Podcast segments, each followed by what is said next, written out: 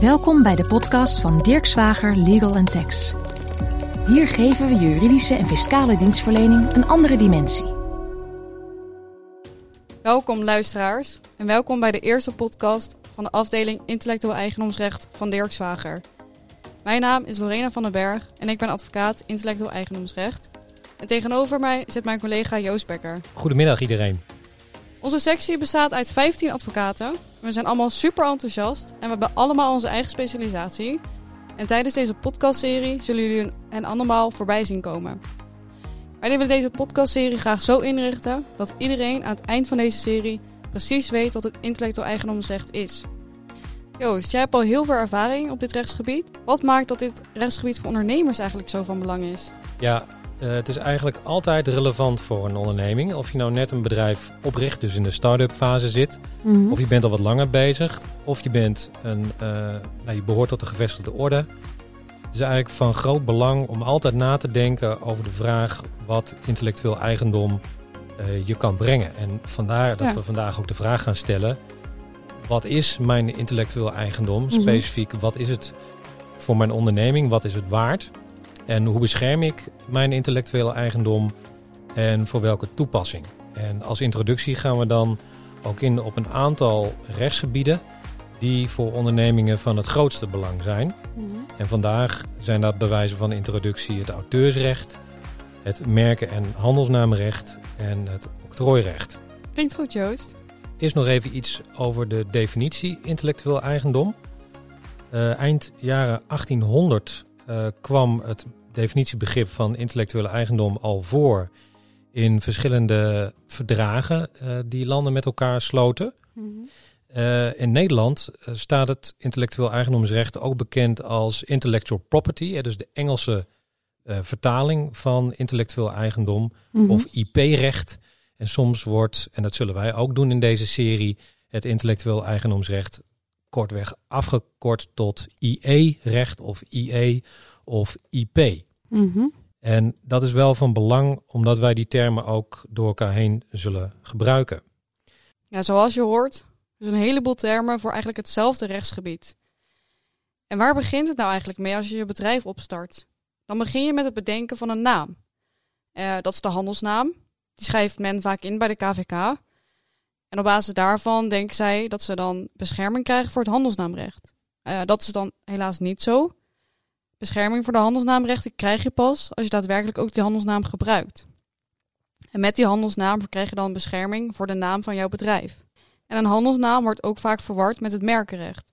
Maar het merkenrecht is toch echt iets anders. Een merk moet je ook daadwerkelijk registreren, wil je er bescherming voor krijgen.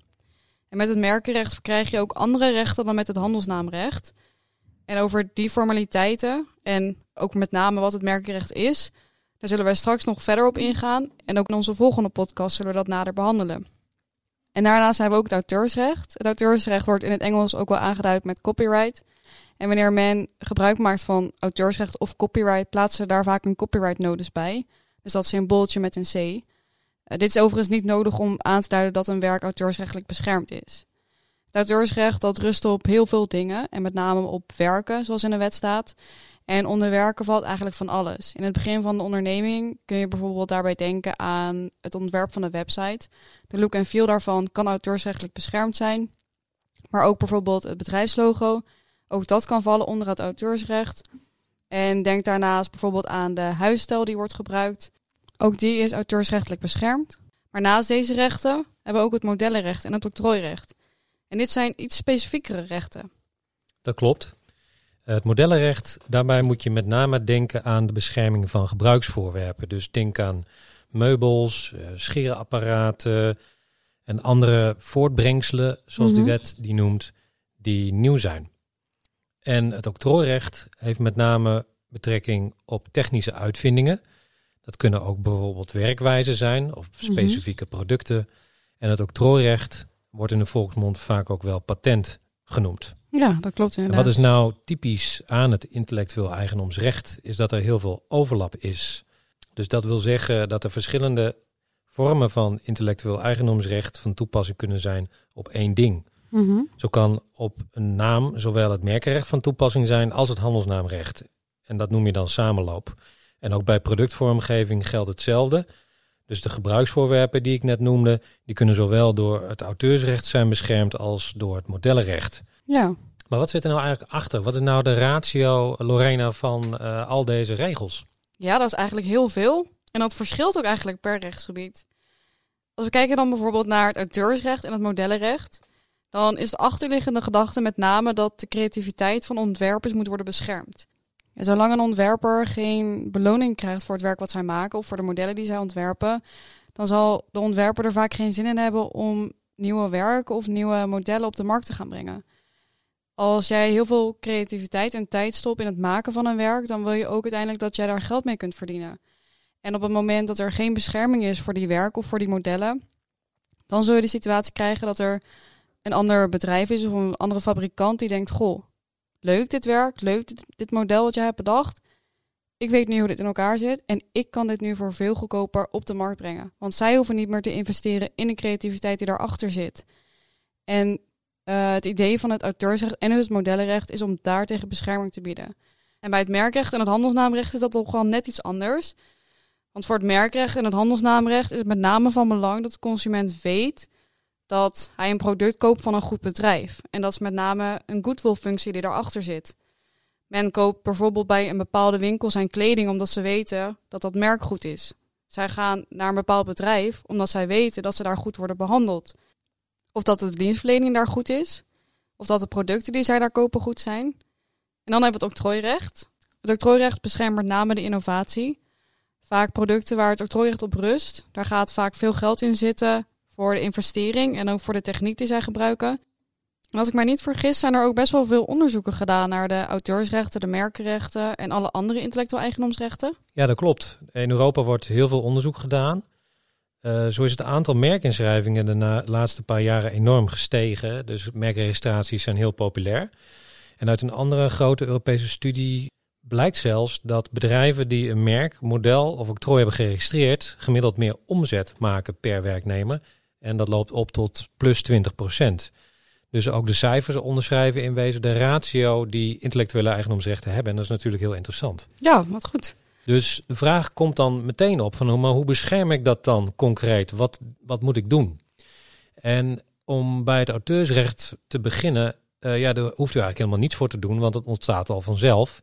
En dat heeft ook een hele lange levensduur, namelijk 70 jaar uh, na de dood van de maker geldt dat nog. Of als een bedrijf uh, een werk openbaar maakt, een auteursrechtelijk werk, dan geldt dat tot 70 jaar na die eerste openbaarmaking.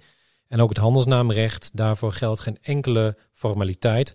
Want zoals je zei, Lorena, terecht mhm. ontstaat dat al door gebruik. En is er helemaal geen inschrijving bij de Kamer van Koophandel nodig om handelsnaamrechten op te bouwen. Maar waarom doet men dat dan, inschrijven bij de KVK? Ja, je ziet daar een soort misverstand van zodra ik de naam heb ingeschreven, zit ik goed. Dan heb ik handelsnaamrechten opgebouwd. Maar de verplichting om je handelsnaam in te schrijven volgt helemaal niet uit de handelsnaamwet. Die volgt uit de handelsregisterwet. En uit de handelsregisterwet uh, vloeit helemaal geen bescherming van de handelsnaam voort. daarvoor geldt alleen maar het gebruik in het economisch verkeer. Dus dat is een hardnekkig misverstand wat uh, ja, heel veel, uh, waar heel veel ondernemers eigenlijk tegenaan lopen. En ik zie ook vaak dat de handelsnaam, die staat geregistreerd in de Kamer van Koophandel, een andere is dan die men in het economisch verkeer gebruikt. Maar dat maakt dus eigenlijk helemaal niet uit dat die twee namen van elkaar verschillen. Nee, dat maakt niet uit. Ook omdat uit de rechtspraak volgt dat één onderneming meerdere handelsnamen kan uh, voeren. Uh, daartegenover staat dan wel weer uh, qua formaliteit het merkenrecht. Hoewel dus de bescherming van het merkenrecht en het handelsnaamrecht op elkaar lijkt, want ze beschermen allebei tegen verwarring zegt de wet dat je wel een registratie moet hebben voor een merk. En de merkregistratie is ook heel zinvol, want dat geeft gelijk bescherming voor 10 jaar. Ja. En dat kan je tot in de eeuwigheid verlengen. Klopt. En modellenrecht en octrooirecht gelden ook hetzelfde inschrijvingsvereisten voor. En kan je telkens ook weer verlengen. Zij het dat bij een modelrecht je tot 25 jaar kan uh, verlengen. En een octrooi of een patentrecht in principe maximaal 20 jaar geldig is. En in deze introductie is het goed om direct stil te staan bij de vraag welke vereisten gelden er nu eigenlijk precies voor de verschillende rechten. Ja, en de strengste vereisten die zitten bij het octrooirecht. Een octrooirecht dat moet echt nieuw en inventief zijn. En zodra dat ook maar enigszins op de markt is, kun je dit niet meer beschermen. Het is van belang om de techniek volledig geheim te houden. Ook richting werknemers of richting andere investeerders is het van belang om een non-disclosure agreement of een NDA overeen te komen waarin er staat dat zij de techniek die daar wordt gepresenteerd of die jij ja, ter investering voorlegt aan hen, dat zij die ook echt gewoon geheim houden. Want zonder dat is het niet mogelijk om jouw techniek te beschermen onder het octrooirecht. Ja, en bij het modellenrecht heb je iets meer coulance, want daar geldt dat je nog steeds een model kunt aanvragen, ondanks het feit dat uh, het vereiste van nieuwheid geldt. Uh, als je dat maar doet binnen één jaar na de productlancering, uh, doe je dat niet, dan mis je ook daar de mogelijkheid tot uh, registratie. Een van de belangrijkste redenen voor het vastleggen of beschermen van intellectuele eigendom is om te voorkomen dat anderen er vandoor gaan met wat je zelf hebt bedacht. En dat noem je ook wel plagiaat of kopiëren. En daar zullen we straks nog het nodige over zeggen. En met intellectueel eigendomsrechten kun je ook geld verdienen. Naast het feit dat je moet voorkomen dat men er met jouw producten van doorgaat, kun je er ook voor kiezen om men toestemming te geven om jouw producten of jouw octrooi of jouw modellen te gaan gebruiken. Ja. En door middel van een royalty kun jij je geld verdienen aan ontwerpen die jij hebt gemaakt. En meestal is dat in de vorm van een licentieovereenkomst. De licentieovereenkomst, dat vraagt nog wel specifieke aandacht. Vaak krijgen we daar veel vragen over. En omdat dit zo'n specifiek onderwerp is, zullen wij daar in een latere podcast nog verder op ingaan. Ja, dan hoor ik u natuurlijk denken, wat kost dat nou, het registreren van intellectuele eigendomsrechten? Nou, in de meeste gevallen is dat helemaal gratis, omdat zoals we net besproken hebben, het auteursrecht vanzelf ontstaat. En voor het verkrijgen van een handelsnaamrecht hoef je ook niets te registreren, dus dat is ook gratis. Bij merken modellen is dat anders, dan hangt het er vanaf hoeveel je eigenlijk vastlegt. Dus een merk kan bijvoorbeeld een woord zijn of een logo, maar je kunt ook allebei vastleggen. En je moet het voor bepaalde waren of diensten vastleggen. En hoe meer je registreert, hoe duurder het vanzelfsprekend wordt. Dan moet je dus ook met een business sense naar kijken wat ons betreft. Uh, als het om een kortlopend product gaat. Uh, Lorena noemde net uh, de mode-industrie. Mm -hmm. Waarbij je bepaalde trends hebt, dan kan je misschien eerder de beslissing nemen om iets niet te registreren dan wanneer het gaat om een product dat op de lange duur waarde toevoegt aan je, aan je bedrijf. Ja, en het is ook van belang om advies in te winnen voor het registreren van een merk. Want ook het registreren van een merk is een vak apart. Dat gezegd hebben, dan kan je als starter ook heel veel onderzoek zelf doen. Dus je kunt ook zelf zoeken, want het merken en domeinnaamregister is openbaar. Hetzelfde geldt voor het handelsnaamregister. Daar kun je gewoon inkijken of de naam beschikbaar is die je nog voor ogen hebt. En geldt daarbij ook Google is je beste vriend? Zeker. Ja, via Google kun je met één druk op de knop gelijk zien of jouw merk of handelsnaam onderscheidend is. Aan de hand van het aantal zoekresultaten kun je zien hoeveel bedrijven die naam al gebruiken of dat er wellicht geen bedrijven zijn die je naam gebruiken. En als dat laatste het geval is, dan weet je dat je een goede naam hebt gekozen. Dus zoekmachines zijn eigenlijk heel erg handig, ook om bepaalde alerts op je eigen naam in te stellen of te kijken wat er verschijnt zodra je je naam invult. En wat als je een alert hebt ingesteld, zodra je dus ziet dat iemand vervolgens jouw naam gebruikt, wat ga je dan doen? Hoe voorkom je dat iemand jouw naam gebruikt? Ja, dat is het laatste onderwerp wat we vanmiddag willen bespreken in deze introductie. Mm En in dit geval gaat het om het handelsnaam en het merkenrecht. Nou, daar gelden een paar vuistregels bij. Een merk moet je zoals gezegd registreren. En een handelsnaam heb je zodra je die hebt gevoerd. En als je Mhm. een ander tegenkomt die een, met die naam overeenstemmende jongere naam gebruikt, dan kan je daar tegen optreden. Omdat die partij dan onrechtmatig aan het aanhaken is of aan het misbruiken is. En dat mag niet. Mhm. Want volgens de wet zijn dat soort handelingen voorbehouden aan degene die de oudste rechten heeft op die naam. Ja, en klopt. intellectuele eigendomsrechten zijn in die zin ook verbodsrechten. Dat betekent dat je bij de rechter een verbod op het gebruik van die naam eh, in dit geval kunt, kunt vragen. Interessant. Eh, en schadevergoeding of, eh, of winstafdracht. Procederen in intellectuele eigendomsrechtszaken is ook interessant, omdat je het grootste deel van je daadwerkelijk gemaakte advocaatkosten kunt terugvragen Mhm. als winnende partij. En het is ook van belang dat andere namen geen verwarring veroorzaken met de naam die jij al hebt. Of die al ouder is dan de nieuwe naam van een jonger bedrijf of een jonger merk.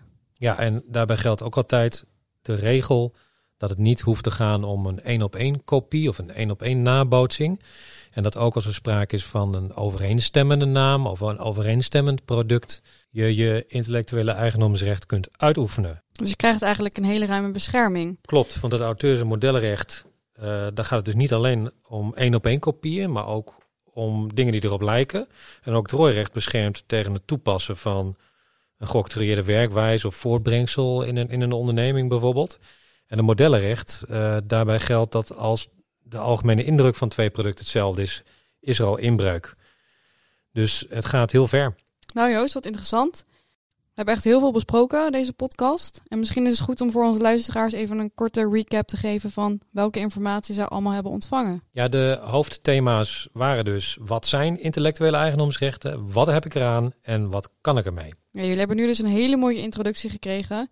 En in onze volgende podcast willen jullie graag meenemen de diepte in. En met name willen gaan behandelen hoe je ook geld kunt verdienen met intellectuele eigendomsrechten. En hoe bescherm ik de rechten op een meest effectieve manier? En wat is de exploitatiestrategie en de strategie voor de bescherming van mijn intellectuele eigendomsrechten? Dat en meer dus in de volgende podcasts. En op onze website www.dirkswager.nl kunnen jullie meer vinden over onze sectie intellectueel eigendomsrecht. Wij delen daar ook heel veel blogartikelen. Die zijn altijd interessant om te lezen. En mochten jullie nu al dringende vragen hebben, schroom dan niet om contact op te nemen met mij of Joost of met iemand anders van onze sectie. Heel erg bedankt voor het luisteren en tot de volgende keer. Dag. Dirk Zwager Legal Tax podcast.